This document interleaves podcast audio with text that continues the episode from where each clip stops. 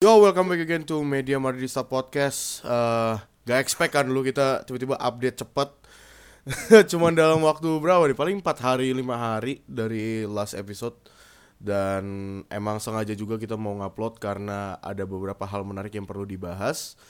Salah satunya juga tentang emangnya benar kalau Madrid ini tuh uh, duitnya sedikit. Emang emang bener Madrid gak mampu beli Mbappe bahkan kalau misalnya free nggak free transfer gitu. So mungkin bakal kita bahas lebih lanjut. Tapi sebelumnya gue mau ke kalian jangan lupa follow dan juga subscribe kami di YouTube. Follow juga di Instagram dan juga Twitter media.madridista. Uh, dan juga buat para pendengar Spotify enjoy ya karena uh, apa ini kita juga udah coba setting audionya lebih better karena kemarin banyak yang bilang suaranya Raul kecil coba Ul ngomong. Halo halo. Nah, ini harusnya better ya. Gua nggak tahu cuman nanti kalau misalnya emang masih kurang better di editing bakal gua gedein lagi cuman ya so ya gimana ul by the way kita ngomongin ini dulu lah Seri lawan Rayo gitu gimana Oh, iya. perasaan? Seri lawan Rayo cuman eh, kabar terbaiknya baru tadi pagi eh, ini kita syutingnya Selasa 20 Februari eh Girona ternyata kalah lawan Atletic Bilbao, Atletic Iya. Club lah, Atletic Club ya. Eh, Bilbao tuh lebih ke Inggris penjelasan Inggrisnya. Jadi Atletic Club. Kalah sama Atletic Club 3-2, bahkan ada kesempatan buat menyamakan kedudukan tapi gagal di clearance sama Vivian. Jadi gimana menurut eh, perasaan lu nih? Eh, kita seri, cuman kita masih ngelangkah lebih jauh, 6 poin clear di La Liga. So, gimana? Iya se sebenarnya sih s- dia disayangkan juga maksudnya karena kita bisa Lebih clear jauh lagi. lah. Hmm. Iya. Karena kan sekarang cuma 6 poin gitu maksudnya. Terus dari permainan juga kalau kemarin ya emang sebenarnya jelek sih maksudnya apalagi Betul. Vini Vini Vini juga nggak nggak Banyak yang terlalu jelek. Hmm. nggak bisa ngangkat maksudnya ya banyak juga yang jelek termasuk Vini maksudnya yang terus justru Jose lu yang yang di match Bagus. itu malah bagus gitu jadi pemantul banget cuma emang terus ya kita kur karena nggak ada si Bellingham aja sih itu sih emang bener-bener ngaruh banget Hmm. makanya kita kesulitan di buat ngebuat peluang buat nge, nge- buat ngegedor pertahanan si Rayo. Karena emang pertahanannya gila sih bagus banget. Apalagi si. Arida si Aridane itu duel-duel udaranya bener-bener ngeselin banget.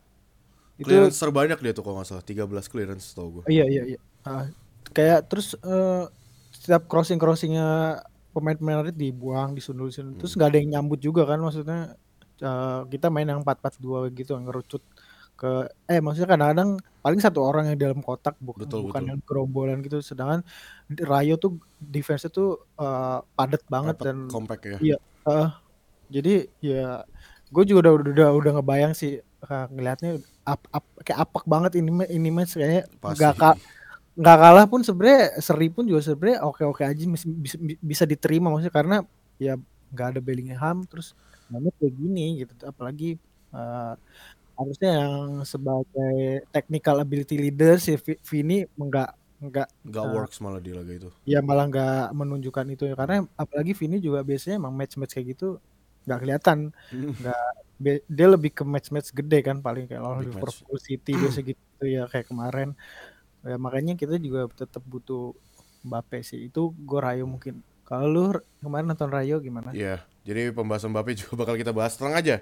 Eh, transfer bahwa kita juga bakal bahas tentang Alfonso Davies. Cuman laga lawan Rayo gue juga cukup kecewa ya. Cuman kecewanya tuh lebih ke ini. Oke, fine. Gue ngerti without Bellingham, terutama cedera dua minggu harusnya sih dia mi- seminggu lagi kelar ya. Harusnya udah bisa. dia balik lagi lawan pas lawan Leipzig leg, leg kedua Leipzig leg kedua berarti Senin besok kan itu berarti dia skip lawan Sevilla, Leipzig ya. Sevilla, Ya, iya baru Soalnya balik kan dia cuma bengkak doang seingat gue pergelangan itu kesleo Iya. gitu kan terus kayak ya kelihatan gue juga nge-tweet eh, kelihatan banget Graham Bellingham tuh bukan cuma dari sisi ofensif tapi dari sisi eh, transisi dari ofensif ke defense tuh juga kelihatan banget yang biasanya Madrid bisa cepat ngambil bola karena adanya peran Bellingham yang punya ability atau atribut yang bagus buat defense-nya mem- iya be- defensive awareness-nya ngebaca permainannya nge-cutting nge-cutting bola intercept bola dan lain-lain.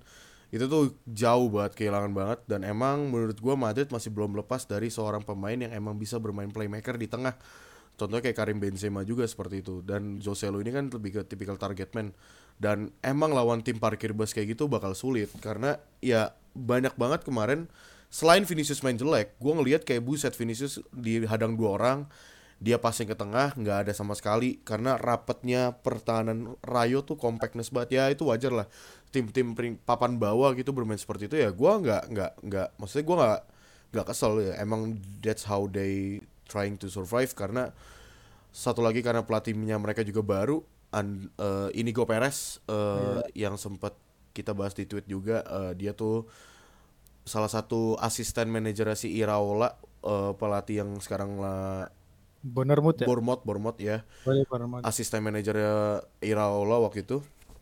Oh. Dan emang kelihatan kayaknya ada ada unsur Iraolanya juga karena rada nyebelin juga gimana mereka main mid block, defensifnya rapet, compact dan gak dikasih yeah. space sama sekali gitu. Selain itu juga banyak yang kritik Modric. Yes. Gua oke, okay, fine. Kalau menurut gua gua fair to say lah kalau orang bilang dia menurun fair to say karena menurut gua pribadi di match di musim ini dia juga nggak dikasih jam terbang yang banyak gitu loh. Jadi kalau menurut gue ya yeah. ada ada mungkin ada permasalahan dari fitnessnya juga, fitness dalam pertandingan dan juga ya experience bermain. Cuman gue nggak bilang dia menurun banget sih enggak ya karena ada beberapa laga gue lihat dia jadi substitusi itu cocok. Dan gue bilangnya lebih cocoknya tuh bukan sebagai starting tapi uh, dia eh bukan maksudnya dia udah nggak cocok sebagai starting tapi iya. sebagai pemain substitusi. Dan menurut gue itu juga rada-rada permasalahannya ya kemarin tuh emang sebelum laga dua hari tiga hari sebelum laga lawan Rayo tuh kan ada permasalahan yang uh, Modric minta jam terbang main. Jadi menurut gue sih emang kemarin kenapa diganti juga menit 70-an dan lain-lain ya rada-rada mungkin gue rada setuju kalau ada yang bilang di tweet kemarin ya pertandingan ini benar-benar karena ego pemain gitu loh uh, karena ego si Modric mau main dan lain-lain dan menurut yeah. gue iya. sih untungnya untungnya walaupun kita bisa melangkah jauh balik lagi ya untungnya Girona no. tadi kalah 3-2 cuma menurut gua kalau misalnya kita bisa menang harusnya kita bisa 8 poin clear anggapannya bisa save save banget. Jadi next bisa lawan Sevilla yang harusnya di bawah Rayo Vallecano. Yang bawah Rayo Vallecano harusnya bisa menang gitu. Jadi kayak ya yeah wish wish us luck aja. Uh, dan juga yes. oh, okay. dan juga uh, ngomongin soal transfer mungkin. Uh, lagi digencar-gencarnya nih Alfonso Davis ya. Alfonso Davis tuh masalahnya dari dari gue liat di timeline paling terbaru tuh tapi ini fanpage Barca luar ya. Ini tuh banyak fanpage Barca luar tuh bilang katanya si Alfonso Davis tuh mau ke Barcelona.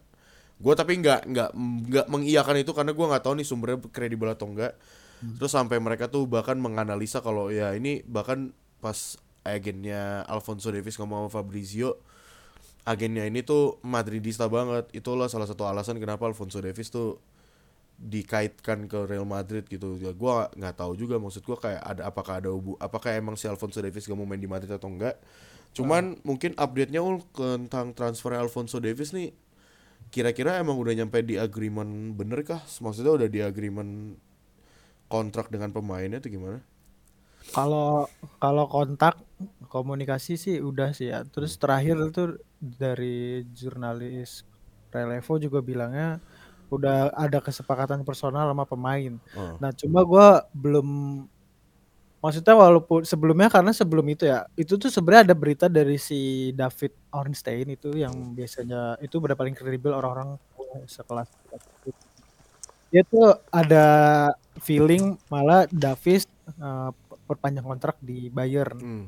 Dia ada feeling gitu. Nah, tapi yang gue dengar-dengar dari uh, pihak-pihak Madridnya tetap positif sih. Jadi hmm. walaupun ada sinyal-sinyal gitu, tapi uh, kubu atau kayak pihak-pihak Madrid tetap positif uh, Davis masih bisa datang. Terus terakhir juga kabarnya uh, personal agreementnya udah tercapai, tinggal uh, gimana nanti negosiasi sama buyer nih tentang harga atau gimana gitunya.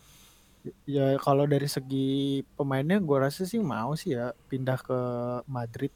Terus kalau misalnya ditanya Barcelona, mungkin Barcelona bisa nggak afford kalau misalnya hmm. dia ngejual Balde, hmm. eh, ya Araujo atau De Jong juga. Cuma kalau misalnya mereka ngekip semuanya dengan finansial kayak begini, ya mustahil even pemainnya mau main di sana. Gitu. Hmm. Ya tetap Davis gue rasa tetap prefer ke Madrid sih karena kita juga lagi butuh banget Harganya eh, udah ketahuan belum sih berapa? belum belum Belum ya. tapi Soalnya ada tadi, sorry gue potong. Tadi tuh gue lihat di Twitter ada fanpage Barcelona tuh bilang si Barca Times kalau nggak salah deh, gue lupa Barca Oh, Times iya. tuh luar kan. Eh, dia tuh bilang Iya. pokoknya si Davis tuh mau eh pokoknya Bayern Munchen tuh mau 15 juta plus bonus gitu lah. Nah, itu gua Iya. kurang tahu juga sih. gue pernah denger sekilas kalau nggak salah waktu itu kayak Mar Mar Marka pas awal-awal ngabarin deh antara 50 juta atau 60 juta Gede juga ya. Gede Iya. juga ya. Ya, let's see aja lah. Maksudnya kan kontrak dia tinggal setahun ya maksud gua. Iya Cuman ya wajar sih Madrid kena tax Madrid kayak gitu juga ya udah. Em, yang menjadi permasalahannya di sini tuh sekarang tuh ini lumayan unik sih. Madrid itu kan sempat ada eh, bilang mengatakan bahwa pengen banget balikin Miguel itu satu. iya Abis itu Ferland Mendy musim ini bermain solid. Walaupun ya menurut gua solid gak solidnya itu definisinya menurut gua lebih bisa diperjelas lagi diperkerucut lagi tuh lebih tepatnya dalam hal opsi sih. Misalnya mau nambah defensif, oh ya udah gue mainin Mendy dibanding Fran Garcia gitu. Iya. Terus kita juga balik lagi ada Fran Garcia yang masih baru buat fresh dari musim ini Iya. baru datang eh, baru datang kembali lebih tepatnya. Habis itu dia juga masih belum nemuin ritme permainan tepatnya di musim ini. Hanya beberapa laga terak beberapa laga doang yang dia main bagus tapi nggak masih inkonsisten dan of course dia masih muda harusnya punya potensi gede nah sekarang ditambah sama Alfonso Davies gitu apakah maksud gua kalau dari lu sendiri maunya gimana sih ke depannya tuh dari empat pemain ini mana yang harus lu keep, mana yang harus lu bench, mana yang harus lu sell mungkin dari empat ini atau emang oh ya udah better empat empatnya aja gitu bertanding. Kalau menurut tapi kalau at- eh, atau kayak ada yang dipinjemin gitu mungkin kayak Fran Garcia contohnya kayak Carvajal ke Leverkusen atau gimana gitu. Iya, iya. Sebenarnya sulit su- sulit juga sih ya maksudnya pas tahu apalagi Davis tuh pengen didatengin juga. Karena apalagi gue fokusnya antara Fran sama Miguel dulu karena dua-duanya menurut gue tetap punya kele- kelemahan yang sama, nggak bisa defend. Karena kalau nonton semalam match Girona itu si Itu Miguel. ya ada salah satu gol dari Ya, dia Ina- blunder sih. eh. Yang Inaki kan. Inaki, Inaki William. tapi kalau yang gue lihat di timeline seliweran katanya nggak nggak itu doang, katanya berkali-kali juga sempat Iya. eh, kena ini ini sama Inaki. Nah emang itu minusnya ini dua orang si Fran sama Miguel. Cuma emang plusnya Offensifnya Miguel punya- bagus. iya terus Miguel punya technical ability lebih bagus dari daripada Fran karena Fran kayak ya udah kayak pemain biasa aja gitu. Nah kalau David juga bukan berarti gak ada minusnya juga walaupun dia dari segi atribut ofensif, speed sama defense-nya mungkin udah paling top eh, orang-orang lihat. Cuman dia juga rentan cedera juga kan. Hmm. itu juga jadi ini ya jadi Keraguan ya. Hmm. tetap iya tetap jadi ada ada ke- kelebihan kekurangannya masing-masing juga di pemain terus Mendy juga yang uh, dia ofensifnya kurang defense-nya bagus banget terus kadang-kadang juga rentan cedera malah lebih rentan cedera si Mendy karena kalau Mendy uh, cederanya buk- kalau Davis mungkin yang parah lama terus habis itu nggak cedera. Kalau Mendy tuh yang cedera sebentar sembuh cedera lagi sebentar kayak empat hari lima hari sembuh cedera lagi gitu. Jadi kayak eh, itu minusnya Mendy. Jadi kalau misalnya gue bingung disuruh milih gitu sih ya gue pengennya sih justru eh Davis Miguel eh, Davis Miguel terus eh, Mendy dikip buat jadi CB buat jadi back karena kalau bukannya gue nggak ini sama Fran cuma tetap ya se- sebenarnya kalau mau diinin gue juga agak rancu karena ya Miguel sama Fran punya kelemahannya yang kurang lebih sama nggak bisa defense gitu Hmm. jadi ya cuma kalau karena gue prefer pemain yang lebih technical ability ya gue lebih pi- pinginnya ya ke Miguel kalau gue Hmm. sih Davis Miguel sih cuma tetap kalau misalnya itu gue eh, tim yang Davis pengen datang bukan Miguel Fran Oh, Oke. kalau lu Itu makanya nih gue juga pusing ya. Maksudnya lu punya left back empat yang mungkin berpotensi jadi pemain bagus juga. Bahkan gue tuh kaget banget Alfonso Davis tuh masih 23 tahun. Gila ya. Maksudnya kayak gue kira tuh Iya. dia masih 26, 27 ya mau mau 24 lah, mau 24 lah. Cuma maksud gue itu masih gila masih muda banget gitu Udah, udah dan banget. waktu pas ngebantai sorry no offense ya fans Barcelona waktu ngebantai 8-2 pun gue baru ngeh kayak anjir itu dia masih umur 18-19 tahun gitu. Kayak gue gua Oh. ngerasa udah lama banget tapi kayak gila dia masih muda banget gitu. Dan ya gue gue sih agak sulit buat nentuin ini gitu. Kayak misalnya Mendy gue tuh selalu ngebela Mendy karena emang Mhm. eh ya he's good apalagi on defense gitu. Eh, balancing dia juga bagus karena kakinya juga kuat juga. Cuman ya kalau misalnya lu sekarang bandingin dengan Alfonso Davies abis itu lu punya Fran Garcia dan Miguel yang bisa ngasih keleluasaan mungkin buat Vinicius di depan Iya, yang bisa ngasih comfortable buat di bagian attacking ya menurut gua agak sulit buat bisa mempertahankan Mendy sebagai starting gitu loh. Iya. gue sih makanya gue gua gua tuh gue tuh lebih gue gak ada masalah sebenarnya Alfonso Davis datang. Enggak sih lebih tepatnya gue kalaupun emang Alfonso Davis gue Alfonso Davis Davis tuh lebih tangkapnya gini kayak kalau dia datang oke fine syukur. Kalau dia nggak datang ya udah nggak apa-apa. Gue gua gua nggak ada masalah sebenarnya. Yang penting eh gimana caranya Madrid ini bisa memanage antara Fran Garcia sama si Mendy ini? Ini tuh bisa nggak lu lu bikin se bisa lebih konsisten mungkin? Atau emang jadi ya musim ini jadi opsi-opsi aja kayak gitu? Mendy nggak works oh Fran Garcia masuk jadi lebih ada fresh legs dan lain-lain gitu kan. Lagian kan substitusi juga 5 gitu udah nggak kayak dulu substitusi tiga gitu Coba tiga. Uh, jadi udah enak dan juga kalau masih Bener. yang gua bikin bingung itu ya itu Miguel sebenarnya karena kan dari dulu kan gue pengennya Miguel sebenarnya dibanding Fran Garcia Iya.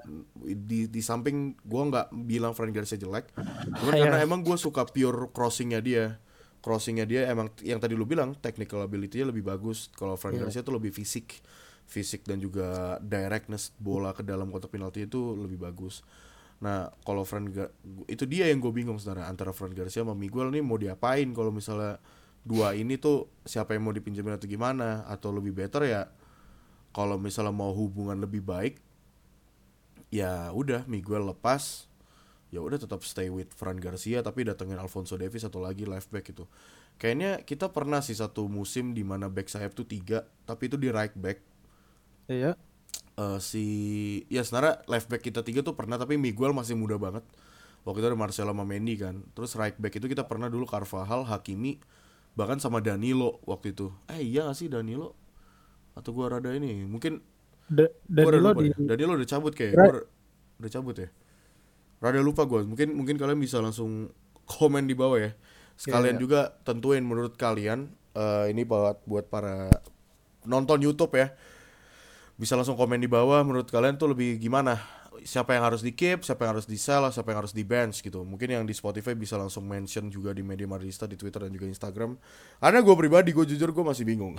Gue tapi kalau disuruh mempertahankan ya ya gue bakal mempertahankan Mendy sama Fran Garcia gitu. Ya intinya pemain yang emang udah lama di klub ini gue lebih pertahanin selain emang mereka udah ngerti situasi klub mereka nggak perlu adaptasi lagi dibanding Alfonso Davies dan juga Miguel mungkin yang emang masih harus adaptasi lagi sama same like Fran Garcia di musim ini gitu. Jadi gue there's no problem. Pokoknya gue left back agak pusing kalau misalnya disuruh keep bench cell-nya itu tapi intinya gue berpikiran seperti itu. Jadi kalau kalian mungkin ada kayak oh gue maunya keep ini bang bench ini sell ini bisa langsung komen di YouTube Ya. atau bisa mention kita juga di Instagram atau di Twitter Terus gue nambahin dikit yang Hmm. bikin ini ya juga karena Miguel nih pemain yang udah dilirik maksudnya klub-klub lain juga kayak betul betul Arsenal, Hmm, Arsenal, Bayern, terus uh, City, City juga pasti, kan. Jadi makanya Madrid kudu bikin keputusannya musim musim panas yes mendatang maksudnya. Hmm. Jadi makanya bingung juga.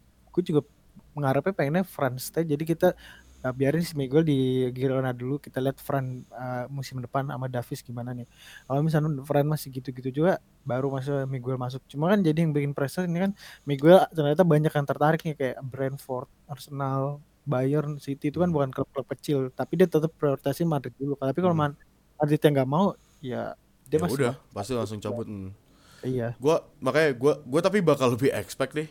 Gua bakal lebih expect, gue yakin banget sih soalnya mungkin kalau followers-followers ini bahkan penonton sini pasti bakal milihnya ya gue mendingan jual Mendy. Gue yakin sih maksudnya karena emang musim lalu mengecewakan banget Mendy. Gua mau gue mengiyakan emang jelek, musim lalu tuh jelek banget dan dia tuh cedera banget, cedera over overly cedera kan.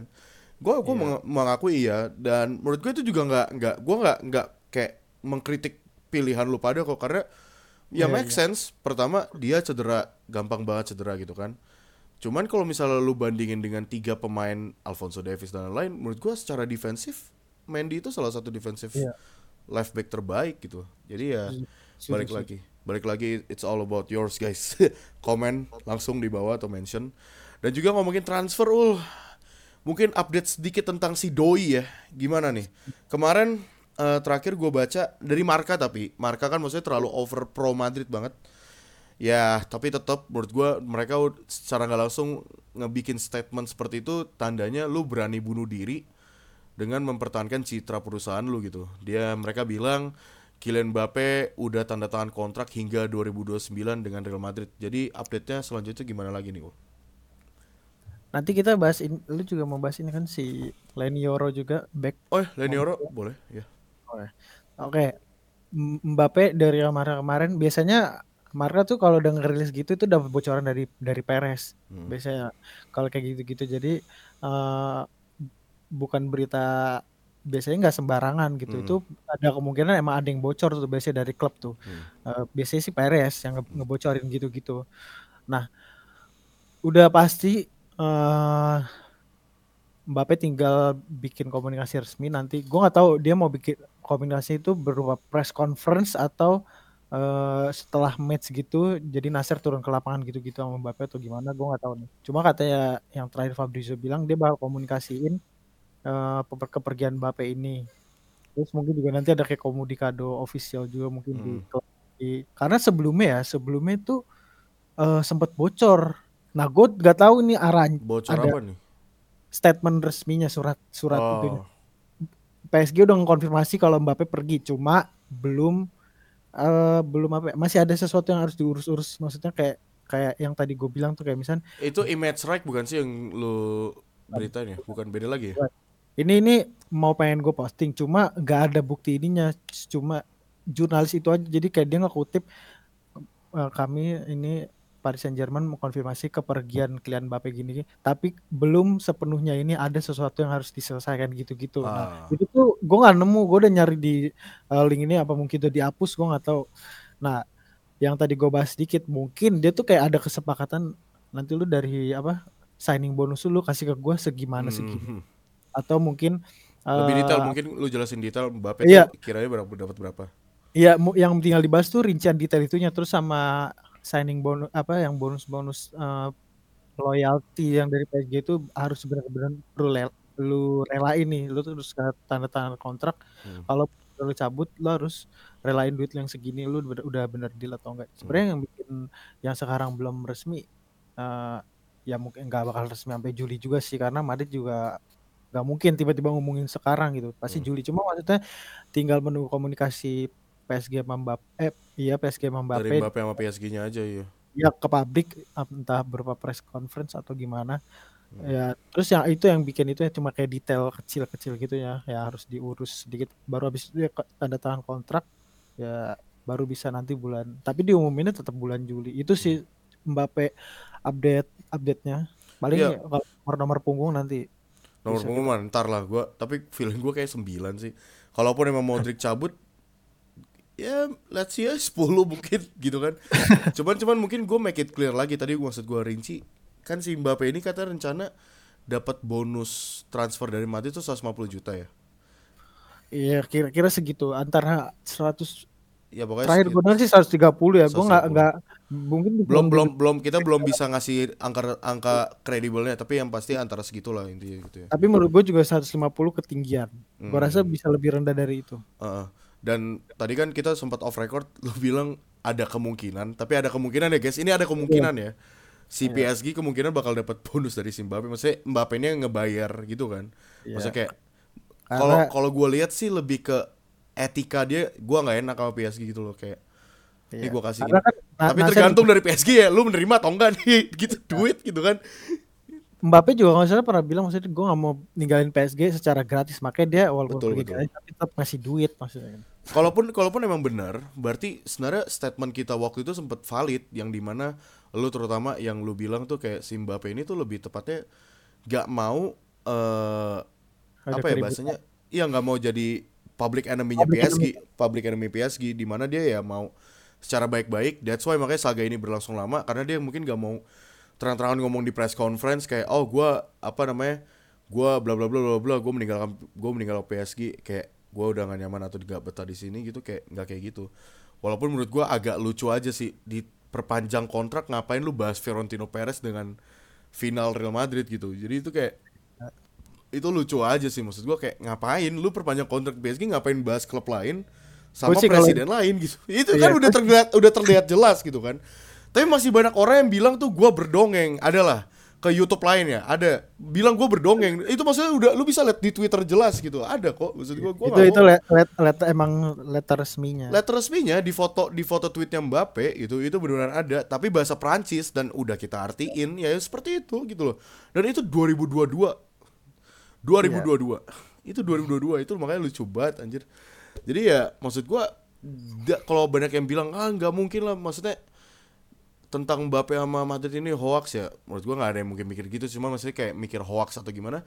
Itu salah satu bukti konkretnya ini orang perpanjang kontrak dengan PSG ngebahas Madrid gitu loh. Kayak Iya. itu bukti bukti konkret kurang jelas apa lagi bahkan nyinggung Perez gitu kan.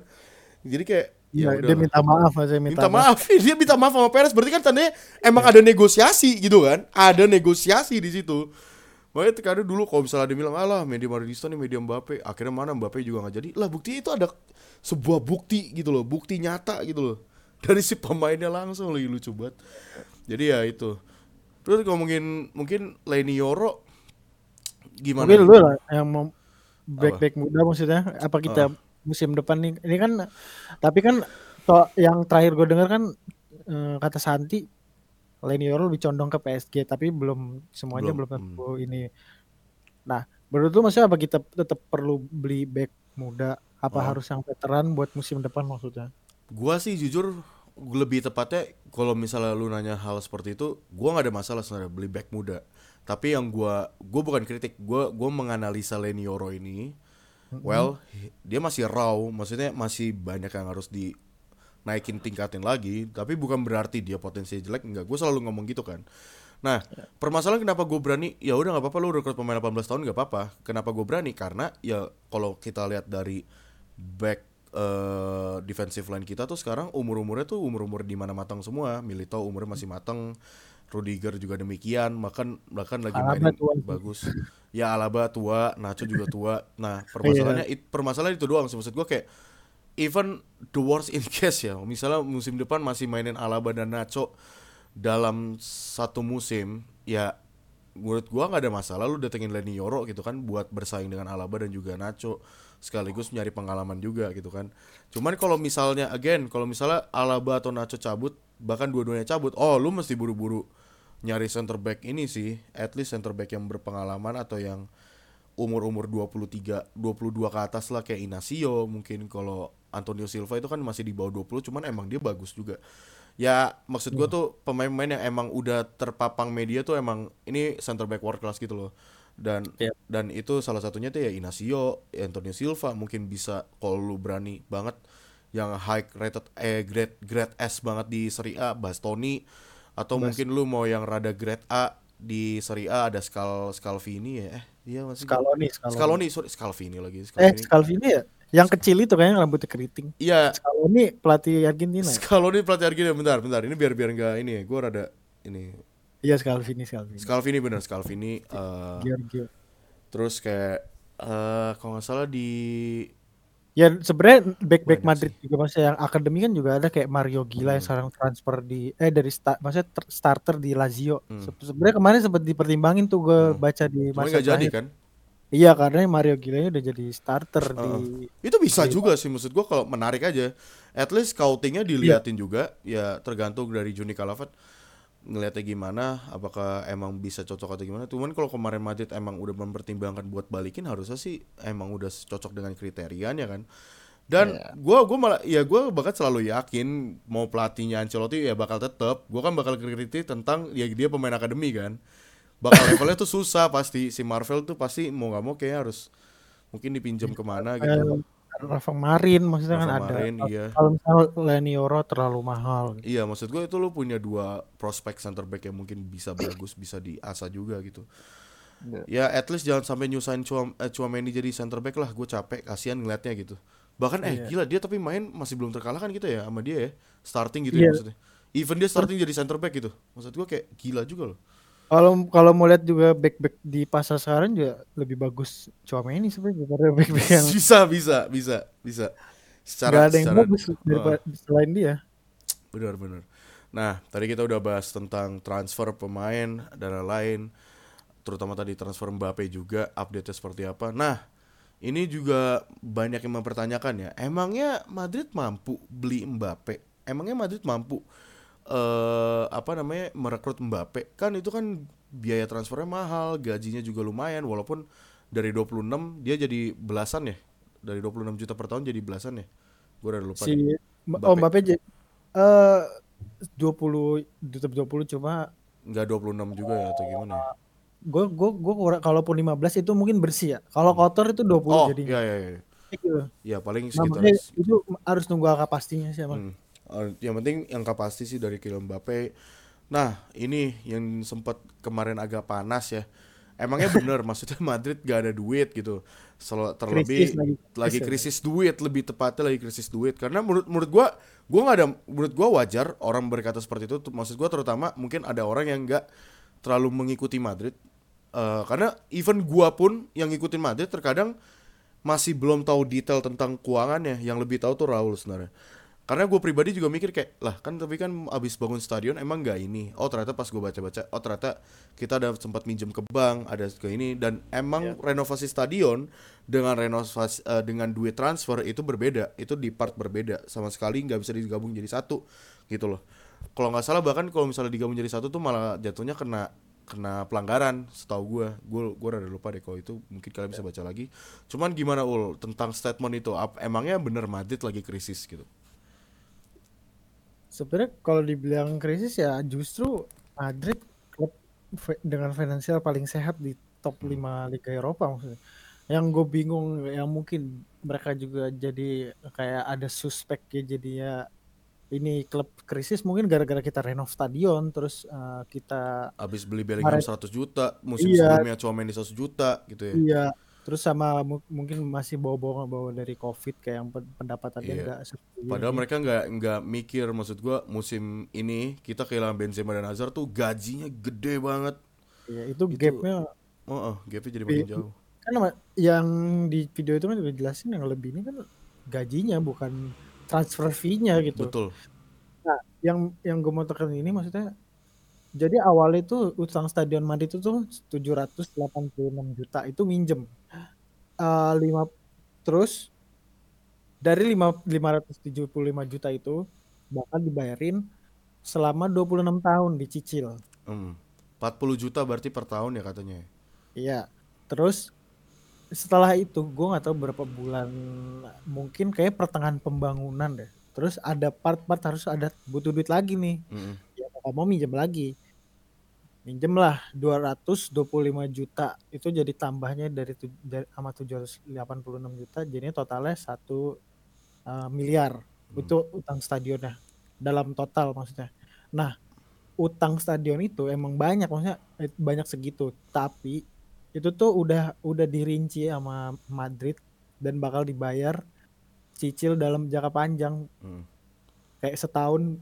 Kalau terakhir di video yang di The Athletic Hmm. dia uh, datanya 40 juta bilang cuma yang gue tahu juga 38 juta ya angkanya Hmm. nggak beda-beda Nggak jauh beda lah jauh lah nggak beda jauh ya.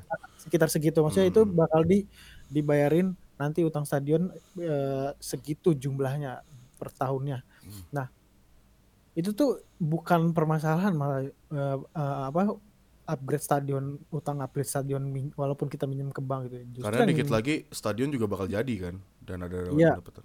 Revenue juga bakal nambah lagi yang bikin bahaya tuh sebenarnya utang jangka pendek even Hmm. 40 juta sebenarnya juga Bunganya itu ya nggak sih?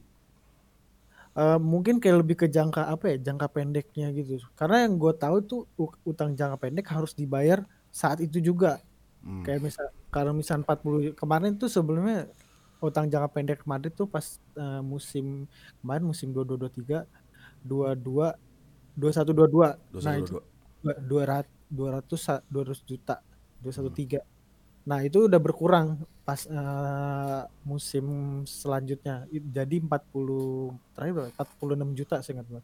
Jadi sekarang masih ada utang jangka pendek ke Madrid 46 juta. Justru hmm. itu yang lebih bermasalah, tapi bu, jumlahnya nggak gede-gede amat. Gede banget ya, maksudnya masih bisa lo handle lah gitu. Iya dibandingkan Barcelona yang terakhir. Gue nggak tahu angka pastinya sekarang ya. Cuma pas terakhir waktu rame-rame banget itu tuh dia punya satu hampir tembus satu miliar kan maksudnya. Hmm. Itu kan bukan jangka, bukan utang jangka jangka panjang update stadion karena update stadion dia kan baru-baru ini. Hmm. Tapi ini utang pemain gak sih si Barcelona itu ya? Banyak sebenarnya. Hmm. Tapi itu juga masuknya utang berat dan harus dibayar. Hmm. Uh, makanya rata-rata pendapatan mereka minus sampai salary cap-nya gak segede Madrid atau Athletic Bil Athletic Club gitu maksudnya. Jadi ya itu sebenarnya kalau financial financial Madrid juga sebenarnya nggak yang gimana-gimana. Justru kita mau datengin nanti mau datengin Mbappe, mau datengin Lenny Yoro pun, mau datengin Davis pun nggak masalah maksudnya. Karena kita kalau apalagi biasanya ya itu pun itu pun biasanya belum uh, dihitung sama pemain yang keluar. Hmm. apalagi kalau nanti pemainnya keluar lebih long lebih ya ada nafas lagi walaupun nggak uh, kalau misalnya pemain nggak keluar emang agak nyesak tuh maksudnya. Cuma kalau misalnya ada pemain keluar kayak pemain anggap kayak Dani Cebalos atau Modric atau Nacho itu kan tetap jadi ruang nafas buat gajinya hmm, juga. buat gaji Madrid benar.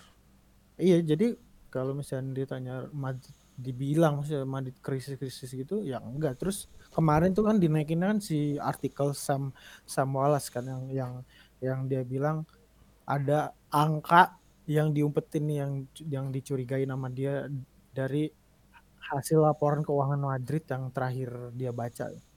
Terus dia maksudnya dia nanya kan ke klub ini tuh apa maksudnya 122 juta ini apa?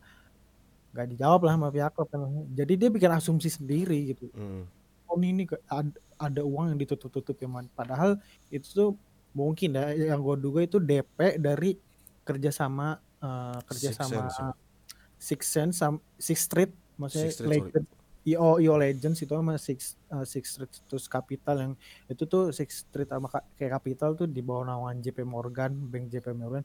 Jadi mungkin itu DP atau uang sebagian dari kerjasama itu itu itu tuh gunanya IO Legends itu jadi yang bikin acara-acara di Santiago Bernabeu kayak kayak baru-baru ini Taylor Swift sebenarnya udah udah banyak sih konsernya yang gue lihat update barunya tuh uh, bukan Taylor Swift doang ada ada artis-artis dari Spanyol juga. Iya.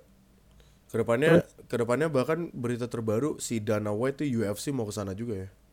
Oh iya katanya hmm. ada gue lupa, gue lupa maksudnya uh, UFC juga atau WWE juga udah gue lupa. Hmm. Cuma kan kalau basket menyusul. Hmm. Yang udah resmi kan NFL kan terakhir. NFL, ya, ya itu itu kerjasamanya itu dan tiga ada yang bilang 30% saham ya itu bukan jual saham maksudnya jual aset kayak Barcelona itu. Jadi maksudnya itu tuh kayak pembagian hasil maksudnya hmm. uh, dari kerja kerjasama. Uh -uh. Iya kayak dari hasil event itu hmm. nanti Madrid dapat hasilnya segini. Misal uh, anggaplah total Eh, satu satu miliar hmm. dari hasil semua eh satu miliar dari pendapatan hasil event itu. Nah itu tuh dibagi ke Madrid emang tiga puluh persen tiga puluh tiga puluh persen atau eh enggak ya tujuh puluh persen tiga puluh persennya ke IO-nya. Yep. Jadi dari hasil uh, hasilnya itu yang itu. Jadi bukan jual aset itu tuh pembagian aja kayak Madrid tuh nyewain ini stadion karena udah megah, udah bagus buat acara-acara uh, yang lebih spektakuler lagi. Hmm. kayak mungkin nanti kan Piala Dunia juga gitu Piala yeah, iya. Euro gitu-gitu kan. Ya jadi nggak ada jual-jual aset atau gimana gimana itu sih kita juga finansial nggak nggak krisis. Kita justru klub dengan finansial paling sehat di Eropa. Iya. Oke. Itu ya penjelasan panjang dari Raul. Mungkin kalau misalnya kalian ada yang mau nanya-nanya soal uh, tentang finansial dan lain-lain bisa langsung mention juga Tadi kita tadi tadi kita juga baru upload tentang ini ya uh, gaji La Liga ya. Ya salary cap setelah bursa transfer musim dingin. Iya salary cap La Liga uh, itu kalian bisa langsung cek di Twitter dan juga Instagram uh, langsung mungkin kalau ada yang mau juga di situ ya apa namanya ya at least emang gue juga tahu sih maksudnya Madrid itu punya finansial terbaik uh, terutama gimana mereka bisa handle waktu covid tuh di mana klub-klub juga lagi pada yeah. lagi pada sengsara juga lagi pada kesusahan uh -uh. Plus menurut gue waktu itu gue juga setuju ada orang yang komenin dan menurut gue rada make sense sih. Kayaknya menurut gue sih lebih ke timing kali ya timingnya tepat. Banyak yang bilang Madrid nih sebenarnya rada uh, Madrid nih sebenarnya bagus. Di mana tim-tim lain tuh lagi pada kesulitan karena masalah finansial Madrid di di sisi lain dia tuh malah punya finansial yang bagus dan malah nggak ada utang. Maksudnya bukan nggak ada utang maksudnya nggak ada utang yang signifikan banget gitu yang menyulitkan mereka. Dan itu yang ngebuat beberapa klub klub-klub lain banyak kejualin pemain bintangnya gitu loh. Itu itu jadi kesempatan buat Madrid juga. Buat beli pemain bintang tuh jadi lebih gampang. Menurut gue itu itu gue setuju sih. Mungkin itu kalau dalam analisanya rada bener. Tapi emang permasalahan timing aja sih. Itu kayak timing dan emang Madrid lagi butuh pemain itu. Cuman by the way ya mungkin that's all for today for this episode. Mungkin kalian bisa langsung ngasih feedback di komen buat di para penonton YouTube ataupun para penonton Spotify, eh, para pendengar Spotify. Bisa langsung uh, mention kami di Instagram media.madridista atau di Twitter media madridista. Kalau bisa ini dong kalian apa share story juga lah kalau bisa gitu kan share story tag kita juga yeah, media madridista. Kalau lagi dengerin part mana yang bagian kalian menarik atau gimana bisa juga langsung kalau ada pengen saran-saran analisa match atau mungkin analisa pemain bisa langsung komen pembahasan. juga uh, pembahasan. Soalnya nih yang bahas Davis ini itu ada di komen YouTube terakhir, jadi makanya gue angkat juga. Emang lagi panas juga. So betul, buat betul. kalian yang tertarik juga dengan hal seperti itu bisa langsung komen. Jangan lupa follow kami di Spotify, subscribe juga channel YouTube kami, jangan lupa like. Uh, follow juga Instagram dan Twitter kami. So thank you guys for watching. See you guys there and goodbye.